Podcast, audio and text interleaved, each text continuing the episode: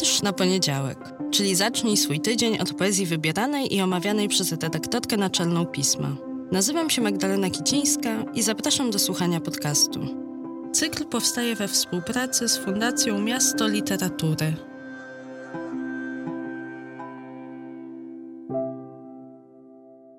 Cześć, dzień dobry, dobry wieczór, witajcie. Chciałabym Wam dzisiaj powiedzieć parę słów o wierszach czasu pandemii, tudzież postpandemii, o poetyce pandemicznej, trochę może też. Może się wydawać, że w tym kontekście to już w zasadzie powinien obowiązywać czas przeszły, bo nie nosimy maseczek, bo się otworzyły restauracje i teatry i świat wraca do tego, co przed, cokolwiek było przed ale ja jeszcze jakoś do końca nie ufam myśli, że to już za nami.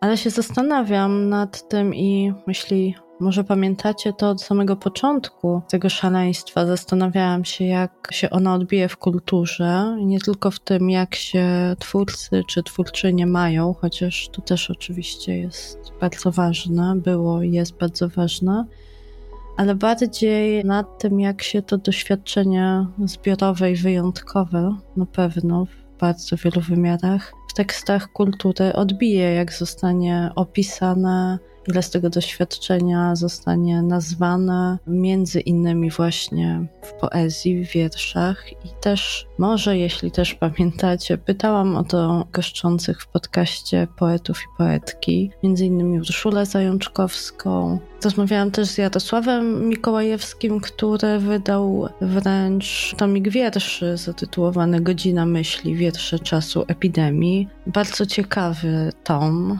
różnorodny i którego absolutnie nie należy traktować jak zbioru tekstów na temat koronawirusa, bo tak nie jest. Natomiast na pewno bardzo mocno poezji Mikołajewskiego w tej książce zebranej to doświadczenie przyglądania się sobie w tym dziwactwie, którego jesteśmy częścią od ponad półtora roku, jest bardzo mocno obecne, choć nie sam wirus we wszystkich tekstach się pojawia.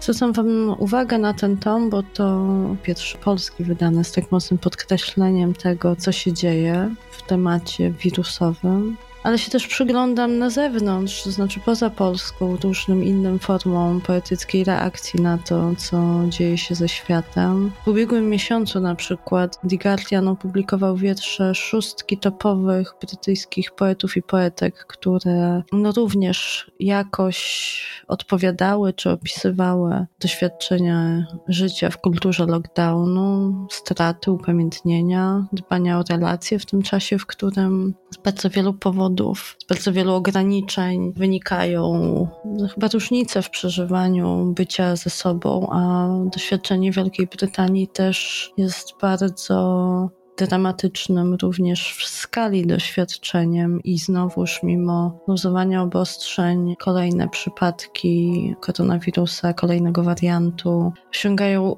alarmujące, niepokojące liczby, więc zwracam Wam uwagę na ten wybór The Guardian z maja tego roku, bo to są bardzo różne teksty, formalnie, językowo, też wybierając sobie wycinek rzeczywistości tematycznie. Mnie chyba najbardziej ujął ten autorstwa Holly McNish z takim podwójnym tytułem Chasing Ceremony albo Convincing Myself. Bardzo wydawałoby się prosta obserwacja zapis zostania poinformowaną o czyjejś śmierci i też niemożności uczestniczenia w pogrzebie, ponieważ obowiązują ograniczenia w komunikacji i też w byciu podczas takiej uroczystości bardzo przejmujący, ciepły, poruszający wiersz, jeden z tych właśnie sześciu wybranych przez Guardiana. A u nas z kolei w czerwcowym piśmie znajdziecie tekst Krystyny Dąbrowskiej Gdy to się skończy. To jest tekst, którego miałam okazję posłuchać, gdy czytała go sama autorka w Sopockiej Księgarni Smak Słowa podczas spotkania, które miałam okazję z nią prowadzić takiego spotkania kończącego rezydencję literacką Smaku Słowa apartamentów Agnieszki Suchorej Pisma. Krystyna Dąbrowska czytała go z rękopisu, jeśli dobrze pamiętam, szarym zeszycie. Do pisma chyba trafił niezmieniony specjalnie przez autorkę. Już być może się wtedy, kiedy go czytała, już się uleżał, już był dopracowany. Wydaje mi się, że nie przeszedł jakichś wielkich zmian od momentu, w którym go usłyszałam. Wiersz ten we mnie porusza, jakoś rezonuje zupełnie inaczej niż kiedy go właśnie pod koniec marca czytałam. Że dlatego, że wtedy sama rzeczywistość wyglądała inaczej. A może dlatego, że kiedy jest połowa czerwca, a w powietrzu jest wręcz, przynajmniej u mnie tutaj, skąd do Was mówię, aż duszno od akacji, od zapachu akacji w powietrzu, to wszystko brzmi inaczej. Niezmiennie jednak zachwyca mnie to, co Krystyna Dąbrowska zapisała w tych kilkudziesięciu wersach, a chyba najbardziej to uchwycenie delikatności współbycia z innymi ale wśród tych innych znalazły się też przedmioty. Przedmioty i ich kształty, faktury, temperatury. Coś tak ulotnego, a jednocześnie podstawowego dla naszego istnienia, dla tej formy istnienia, w jakiej bywamy w relacji do przedmiotu, do obiektu, do obiektów, które tę naszą rzeczywistość tworzą. Bardzo się cieszę, że ten wiersz w czerwcowym piśmie, które no właśnie jest od naszej okładki do też momentu, w którym jesteśmy i pogodowo, i porowo, rocznie, że takie sobie wymyślę słowo, zupełnie inny niż tamten czas pod koniec marca, dosyć chłodnego i deszczowego, ale tak bardzo aktualny jak widzę gdzieś w mediach społecznościowych też z wami bardzo rezonujący. Więc tym wietrzem was zostawiam. Tym razem nie autorka, ale nagranie z e, wieczoru, na którym Krystyna Dąbrowska czyta swój wiersz, możecie odnaleźć na stronie księgarni Smak Słowa. Więc może to też ciekawe ćwiczenie i praca domowa posłuchać po tym wykonaniu tego, jak czyta Krystyna Dąbrowska. Krystyna Dąbrowska. Gdy to się skończy.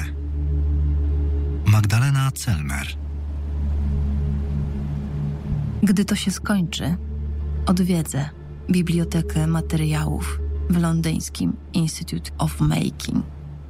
Gdy znowu będzie wolno, dotknę tych wszystkich zebranych tam rzeczy.